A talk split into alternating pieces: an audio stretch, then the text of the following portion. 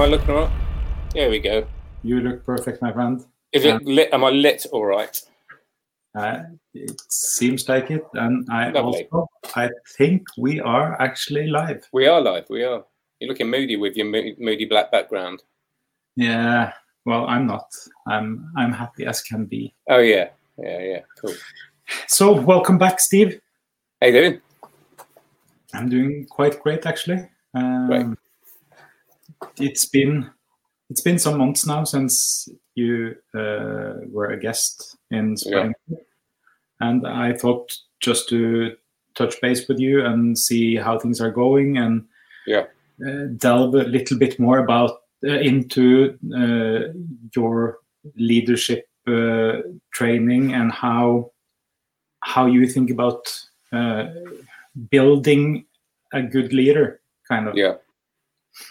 Yeah, yeah, yeah. We'll, we'll, we'll talk about. I mean, there's so there's so many schools of thought on it, and uh, it's a good thing to talk about because I think the first step, which seems some sometimes to talk about it seems very simple, but it's it's defining that leadership, and and that's different for different people as well. Um, I think it starts with self awareness, doesn't it? It's, it's like the first thing is to highlight what you are good at and what you aren't good at, and a lot of people have a, quite a lot of difficulty with that. Yeah. Um, Yes. It's it's taken me some time uh, to realize all the things I'm quite crap at. Uh, but I'm getting there, uh, and it's uh, it's also it's it's nice to have people around you that um, that help you uh, both keeping your feet on the ground, but also kind kind of the uh, the keeping your feet on the ground, but still lifting you up, kind of. Yeah, it's a, it's a, I think it's a thing that that leaders get wrong. Uh, It's easy to get that wrong. You know that balance between inspiring people and being very honest about things aren't working, but not Mm. demoralizing them uh, and letting morale drop. And and you do that by uh, which is a, which is a sort of the, the foundation of leadership, which is trust. You know, Mm. w- w- when you trust a leader, you you you can take that as information and not take it personally because you trust the intention behind it. Yeah, yeah. I, t- this morning, actually, I just finished reading the the, the book "The Speed of Trust," Okay. uh, which uh, goes really much into the the foundations of um, uh, well trust, uh, most of all, but that ev- everything is built upon. If you have a good foundation of trust, you can Yeah. Get much more things done, and uh, yeah, you can it's basically some kind of uh, trust is a kind of currency that you can both spend and lose and Yeah. everything like that. Yeah. Takes a long time to build up the currency and a, a very little time to spend it. A bit like money. Yeah, yeah, a bit like money. Yeah, Seconds, one click, done. yeah. So, uh, but you you told me a bit before we went live now that your your philosophy kind of have changed a bit regarding how to to do leadership training or uh, the motivation of the participants. Yeah, I, I, I think it's. I mean, I've been doing the just. I've, I've 25 years I've spent as a magician, weirdly enough, and, and the last 10 years uh, as a leadership. Doing, I still do the, the performance side of it, but I do lots of training now. Yeah. And it's like when you start any business, you look at how to sell it, you look at how to build it, you look at all that stuff, and and you tend to take what you can get. Uh, and then I think you get to a point of you, you know, and practicing what you preach and working within your values. Um, so, um, so when you, you know, I've done I've done some work whi- whi- which you look at. We'll pay the bills, we'll get the business up, we'll grow, and then you realise that if it doesn't fit in with what you want to do, or uh, you have to make some choices. So I think now it's about working with people that really want to develop, rather than have been sent on some box ticking exercise. Uh, Mm. to, and, and are sitting there going, "What's this?" It's kind of like I was thinking this morning. It's it, it's if I used to teach people how to juggle, right? And and when you teach someone to juggle, there's no point in them learning how to juggle if they don't want to learn how to juggle, right? So so they can go through the motions, but they're not going to learn it. It's it's it's actually impossible for them to learn it because they haven't got the mindset. They can get to a certain point, but they've got to have that desire. And it's and with you look at all the models and the processes and the things that you can do with people to enhance their ability, whether it's in a leadership or or any any management situation, that it's exactly the same. It's a skill that they have to practice. So even if it's a communication skill, so if they don't want to do it, it's you're, you're on high to nowhere. You can, you can't you just can't do anything with it. And I think that that now I'm at a point where it feeds me to work with people who are who just want to develop teams that want to develop because you don't you don't develop high performing teams by accident. You have to want to get there. You have to put the work in, and then when you see that working, it's that's what it does. So I think it's it's just it's a slight change, but it's more about kind of choosing, learning to say no to certain things that may be good for the business, but not not good for what you do. And, and I think at the age of 46, it becomes more about values and, and, and doing something that's actually worthwhile and you see have an effect. Uh, what what would be your because uh, I'm I would say quite new uh, in a, in a leadership position. I'm mm. I'm the CEO of my company. I uh, I have 13 employees. Uh, I've I've spent two whole years as a CEO now. Uh, I've realized a lot of the things that I do that is uh, good. Mm-hmm.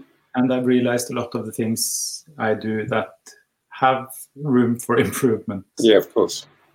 Uh, what would you what what would you recommend for me to be like uh, my first steps on or not my first but my uh, my continuous improvement what what what would be like the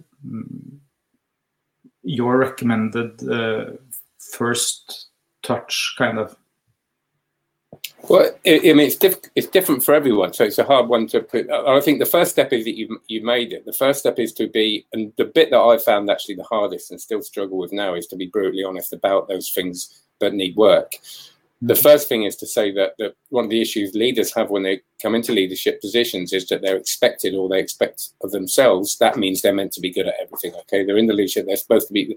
I haven't met a leader that is good at everything that doesn't need to work on stuff. It's we're human beings. Yeah. Um, and at whatever level we are at, we still have to work on the same stuff. The biggest problem is is getting your head in the sand and saying, "No, I've got to make it look like I'm I'm nailing everything and I can do everything." And so the first step is that self-awareness, and that may include other people. Um, it's more difficult for me because I don't work. I obviously work with a lot of other people, but I don't have people around me constantly. I'm a freelancer, so I have to self. I, I have to obviously, yeah, and I do a lot of journaling. I receive coaching uh, from people, so I use I use people, you know, somewhat, and and and you get better at being honest about it and not beating yourself up. That's the really important thing. It's kind of going, it's, it's looking at the issue.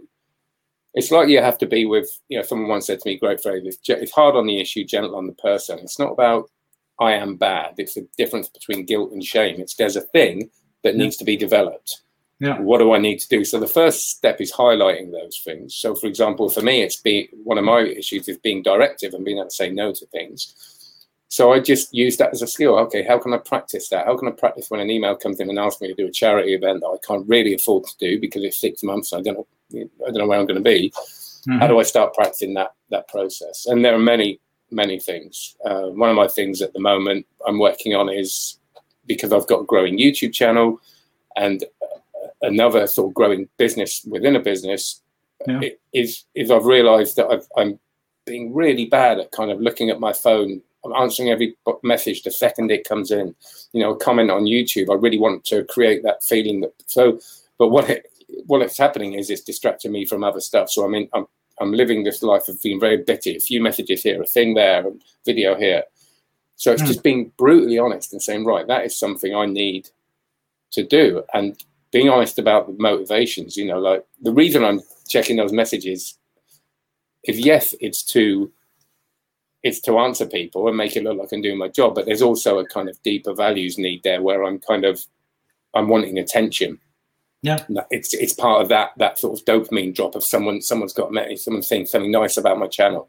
So it's controlling that, you know, and and yeah. and and being aware of that, uh, which is great. So that's the first step is highlighting it. The second step is I think looking at, at experimenting with different ways. So if one of your things was time management, okay, is looking at different models and processes of time management that may be able to help you and then adapting them for yourself. So you look at the thing I do all the time is the Eisenhower principle, the urgent, not important.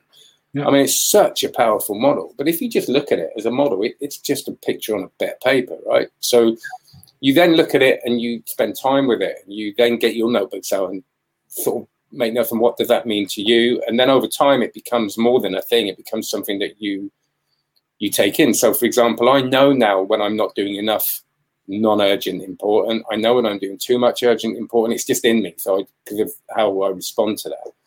So I go back to that model all the time and go, okay, I need to do 60% non-urgent input. So it's it becomes part of it. So I think it's looking at re- those processes and experimenting with different ones.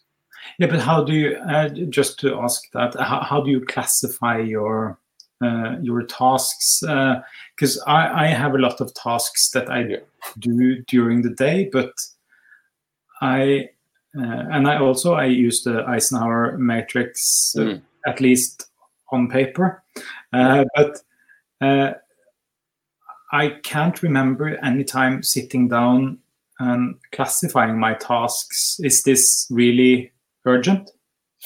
Is it important? Yeah, it's hard. It's it's that's that's the kind of when you look at the models, so or, or all models like that, uh, they seem so simple, and then when you get into it, it's so difficult. I mean, you've got to understand as well how hard it is to.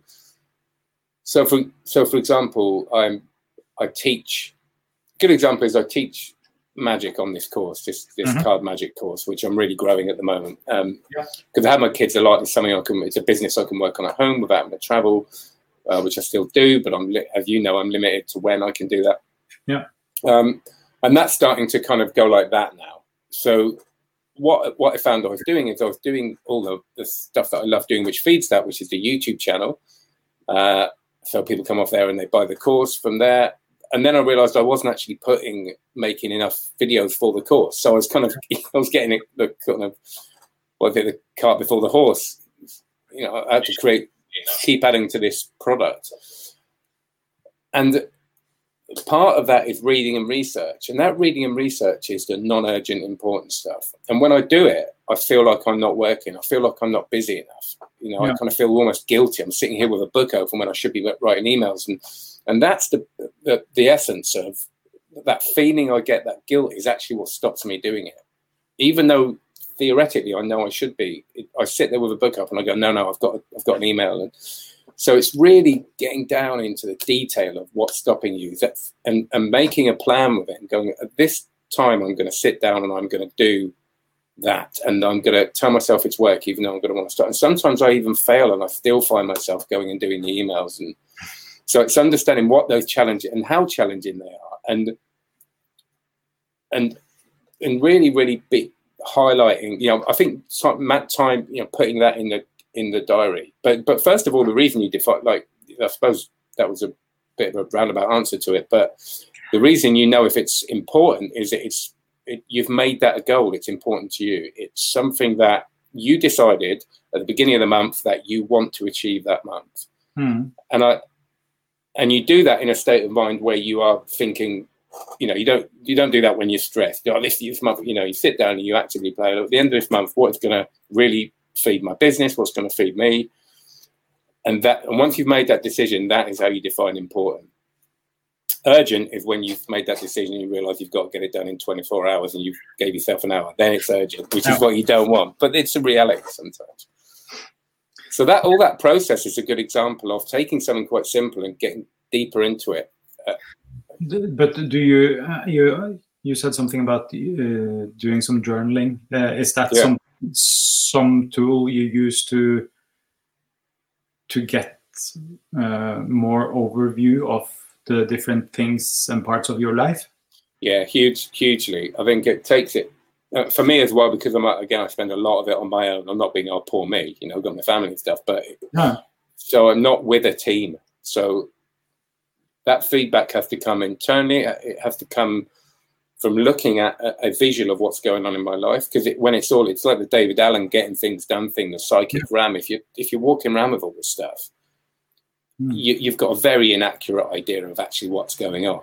You know, you yeah. might think, oh, I'm doing this. And then when you look at it and go, actually, no, I spent three hours yesterday, you know, searching for the holy grail of status updates on Facebook.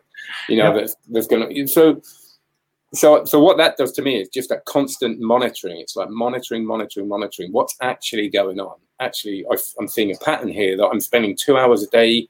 Well, how can I do that, that incremental gains thing, that, that marginal gains thing of just hacking that a little bit to make that better? And you start over time, seeing the changes. And without journaling, I just can't do that. I, I have to see it. And people do it different ways. I do it in a very free writing way. You know, what do I have to keep an eye on? I have a little eye thing that I do if I'm repeating a pattern, like I'm having too many coffee breaks. It's like keep an eye on that, shift it a little bit. Yeah, do you use any any sort of system, or do you just uh, journal uh, freehand, so to speak? I do it free now. I used to. I've tried so many systems, and I find that if it's too systematic for me, it becomes it kind of doesn't work for me. But so I I use the what was it the there's a journal that was released about a couple of years ago, Self Journal. That was it's really good, but it, it, it was just a little bit. I'm not. I mean, in some ways, I'm a processes person, but in some ways, I just have to get out. So now I've made my own. I just basically write what's going like a diary, and as I write, I'll see okay, this in this bit I'm going to write what I'm going to do tomorrow. In this bit I'm going to write what I need to keep an eye on. A lot of the time at the bottom I put what I learned today, okay. uh, and I try and get a bit of gratitude in there as well. You know, just a bit of positivity. You know, I might so I don't end up. I learn from it rather than beat myself. Because I still have days when I just go, "What? What was that day? what, what, what, was that?" yeah, yeah. I, I've started uh, two journals. Uh, one for my omni life, uh, my whole life. Yeah, okay. Yeah. Just gratitude journaling to focus more on the positivities in my life. Yeah. And then I have one uh, journal that is weekly for my work life because I've set up some. Uh, I've set up some um, some goals for myself, uh, which are they're not really goals. I've I listened to this uh, podcast called Cortex, mm-hmm. Really, really, really great podcast about. Basically, it's two YouTubers that uh, or and podcasters talk about their productivity and how they manage their productivity and right. they have all sorts of apps and uh, systems and stuff. They, they have made this um, uh, theme system. Uh, so they they recommend people of having uh, yearly or seasonal themes instead of having like your New Year resolution. You have like okay, this season's theme will be XXX. Yeah. Uh, for me, uh, this year I'm trying to have a year of refinement. Yeah. Because um, I I try to do a lot of different things Yeah. and i'm i yeah because i i have had uh, a really big issue on saying no to things yeah so my year of refinement now is one of my goals within that year is to say no to basically everything that's not within the year of refinement. Yeah. That's that's the, yeah and which is a, a, a brilliant thing which I, I, can empathize with at the moment because when you say that it's like I think when you under when you get to a point when you're and it's I don't want to sound arrogant, but when you can do things quite well, you know, I've been doing my leadership training now for ten years, so I'm doing it well now. Not because I'm some weird talent, because I've been doing it for ten years and obsessing over it and making sure it's not just good, but it's X, all that kind of stuff. Same with the magic. When you realize you've got all those different skills and you've built them up, it's very easy to then use them all the time with everything. You know, well, I can help this person, I can do that, I can do that, and then you end up you, you get this diluted kind of thing going on when you're doing everything, but you're not doing it very well. So that refinement is hugely important for me at the moment as well. And and maybe you, you have to go through a little bit of that to find out what what you what it is you really want to do. So you have there hmm. have to be a bit of okay, I'll do a bit.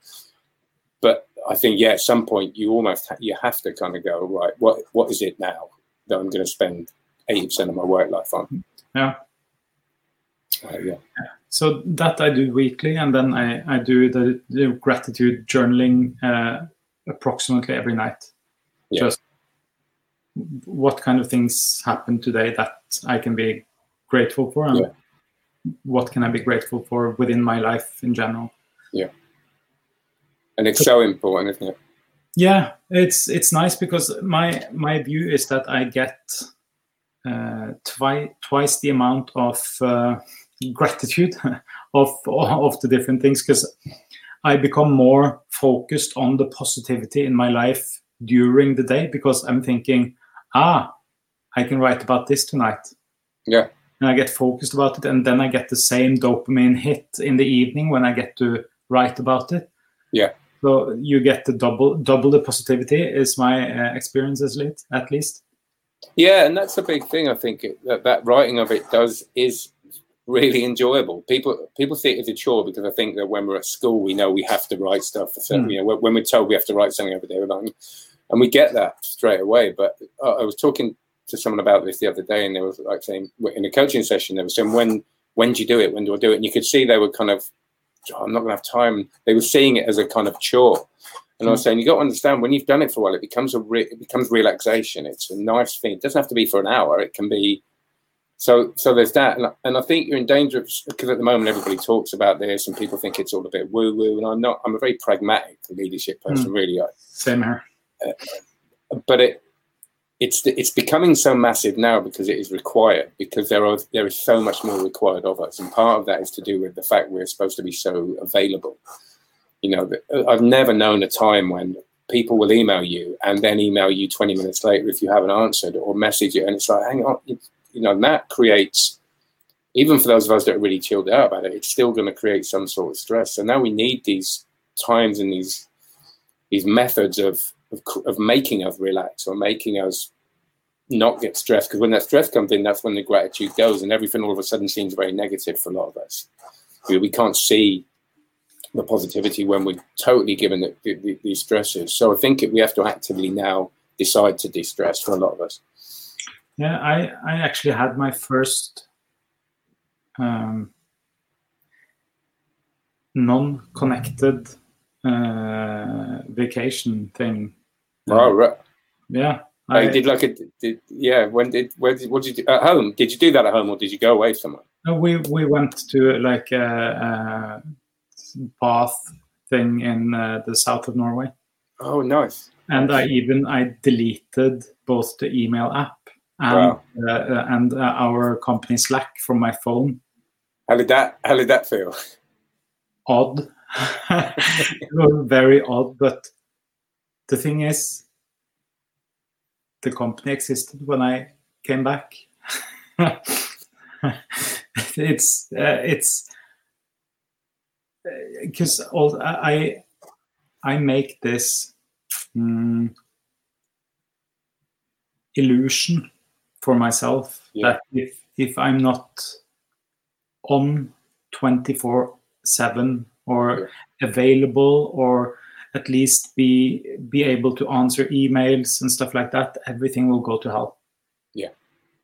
and then i'm gone and life continues yeah Of course. And the people will wait for the emails. You know, they Yes. will wait. You know, even if they don't want to, they, are, you know, so a lot of, a lot of the things i've realized is that well sometimes i just have to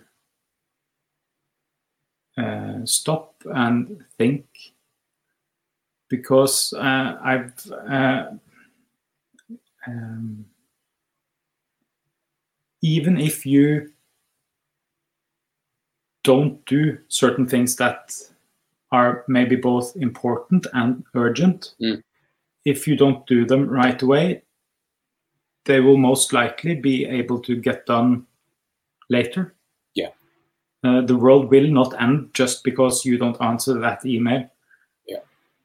almost yeah I, 99% certainty uh, the world will not end just because you don't answer that email yeah. It's that. And, and and worst case scenario, you know, like I because my big fear is not answering the email, not getting a job, or so the worst case scenario is that I don't get the job, or and and that's that's happened. You know, that's happened where, especially with the performing side of it, someone wants a performer for a beautiful gig, and it happened uh, a couple of years ago. Someone wanted me to go to the Maldives on New Year's Eve. It was for a different reason. It wasn't because I didn't answer email, but uh, and I didn't. I couldn't do the gig because I had a, another book in New Year's Eve, which was way not, and I was gutted. But I lost that gig and I lost that client, and that client would have potentially been a repeating client. So you look at what that could have meant over the next year. That mm-hmm. could have changed my life. But that's not, you know, that that's life. Other things will come along, and if they don't, they don't. It's kind of going with that reality of life as well. Is that you that if things don't happen, you've got to let them go. And so if you don't, if you're not available for that person at the time where they want you to be on their agenda, then you're not. And if they don't like that, and that means that maybe they don't want to be a client, which actually very rarely happens. But even if it does, you go, well, that's just what happened. Loss is part of the deal, right? Where we yeah, can't. Well, I'm I'm also thinking because I have uh, a extroverted style of being. I'm quite extrovert and some may say in some ways a bit crazy. Mm-hmm. And I could package that in a more sellable yeah. package. Yeah. But I'm not going to because no. my my thought there is yes, I'm I might maybe I lose some clients on me being me. Yeah. But I'm guessing it will take a lot out of me to continue yeah. to not be me. Yeah. It will be stressful on my mental health and it will uh, i think also i might get more clients from just being me yeah and those clients will be better for me to work with yeah and that that's a, another uh, it's going back to what we were saying at the beginning about how you approach things it's exactly the same you with leadership training, you can earn silly money if you play a certain game. Yeah. You know, with, like with coaching and training, you, and I'm not making a judgment on what that is, but for me personally, it's a thing that I cannot do. I can't pretend to be someone in to sell stuff. You know, I'm, I'm, so there's all the online stuff where you can get people to sign up stuff, get them in the funnel, do all that, which is fine. I'm not judging that because there's some brilliant stuff I've done as a customer of that. I've learned been on amazing courses, so I'm not judging that. But there are there are un- unethical ways, if you wanted to, to earn a lot of money from that. Um, there's also companies like you said, the box ticking stuff. You can get a lot of work with it. Won't, you know, won't do them any good, but they might think it'll do them good. There's all that stuff there, and there's like you said, the turning up and being the corporate kind of shiny coach that that will make you look I don't know rich. You know, you see the guys that do the online stuff that, that hire Ferraris for their for their marketing videos and pretend it's there. You know, all that. You kind of go, yeah. Well, on one, it does work. You know, you can't argue with the fact that it works. Oh. But can I sleep at night? Yeah, yeah. and the answer is maybe maybe if I no, I, I just can't. You know, I'd rather sit here and and do the, the jobs like we were talking about going out to Norway and working with people out there that are just you just connect with them on such a level that isn't about I've got the gig. You know, it's about we're doing something together here that is valuable, hmm. uh, and that and when you get a baby a smile on your face, exhausted from that, but in a really good way, that's when you know you're doing something right. Yeah, but okay, it, I'm I'm I'm the CEO. I have some employees. What what should be my first step then? Just to try to get some concrete tips for new CEOs or CEOs that want to improve? What what would you recommend me doing just to start to get going? If if you were so if you've done the self awareness thing and you're starting to look at what what what issues you've got, I mean the first thing is to understand you're a role model, so you have to start exhibiting role model behaviors, which means integrity. You know, your first thing is to always do what you say you're going to do you know, do, mm-hmm. make that an obsession. If the meeting is at ten, you're there at ten, because you are a role model and you will influence people. Yeah. Uh, the other one is empathy. Try to understand and label the differences between you and other people in your team, so you can empathize with them. You know, because some people, you know, you can label it with introvert, extrovert, but then it gets deeper than that. Some people are pragmatic. Some people work off emotions. You know, embrace those differences, but understand mm-hmm. what they are and understand how what that person will need from you. So if you, someone is say very externally motivated that needs their motivation to come from outside and you can sometimes tell by talking to people then give them that motivation make sure they that you highlight that they're doing a good job make sure that you you're giving them feedback even if they because we're very good at giving people feedback if they're not very good you know because we're very good at getting in a nice way but we're not very good at giving feedback to the people that are already nailing it and those people will still nail it because their motivation might but the, the biggest thing is to create a, a regular place where people can talk openly about what's going on. The most important thing is you've got self awareness, but you need to be really aware of of what's going on in the team, and uh, create a culture where it's okay that things aren't going well. It's okay to say, you know, I'm struggling with this. Be fallible and share your stories of your struggles, almost like you have a little bit today, because people respond to that, and that's where you get that cohesion because you, what you don't want to be is second guessing how people are feeling and guessing what's going on because it takes a mm. huge amount of energy and half the time it's wrong anyway.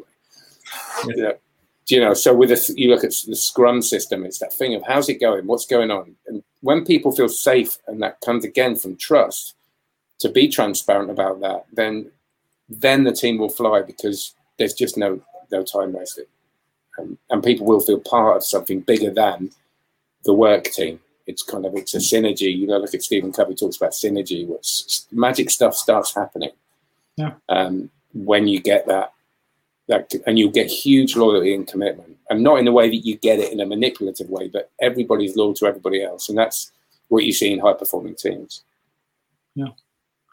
Yeah, I think yeah, I think that sounds like a good place to both start and end. Uh, cool hopefully I will get you back on this podcast uh, uh, at another time. Uh, I'm thinking that will be uh, doable. Great. So uh, if you guys want to um, uh, catch Steve, I will put some links in the description below. I'm guessing you, you're e easiest to get hold of on LinkedIn. Yeah, LinkedIn. I've, I've I am easy to get hold of it. I respond to, I get a lot of spam on LinkedIn. LinkedIn's okay. becoming very spammy. So if you send me a message and it's automated, I just won't answer it. So, um, uh, but I will read messages and email um, steve at stevefaulkner.com. Leadwithsteve.com is the website. Um, Twitter, I don't really use that much. Um, but, uh, but mm. yeah, e- email, LinkedIn, I will get a message as long as you haven't copy and pasted it. Okay, I will speak to you later, Steve. Thank you so much. Thank you.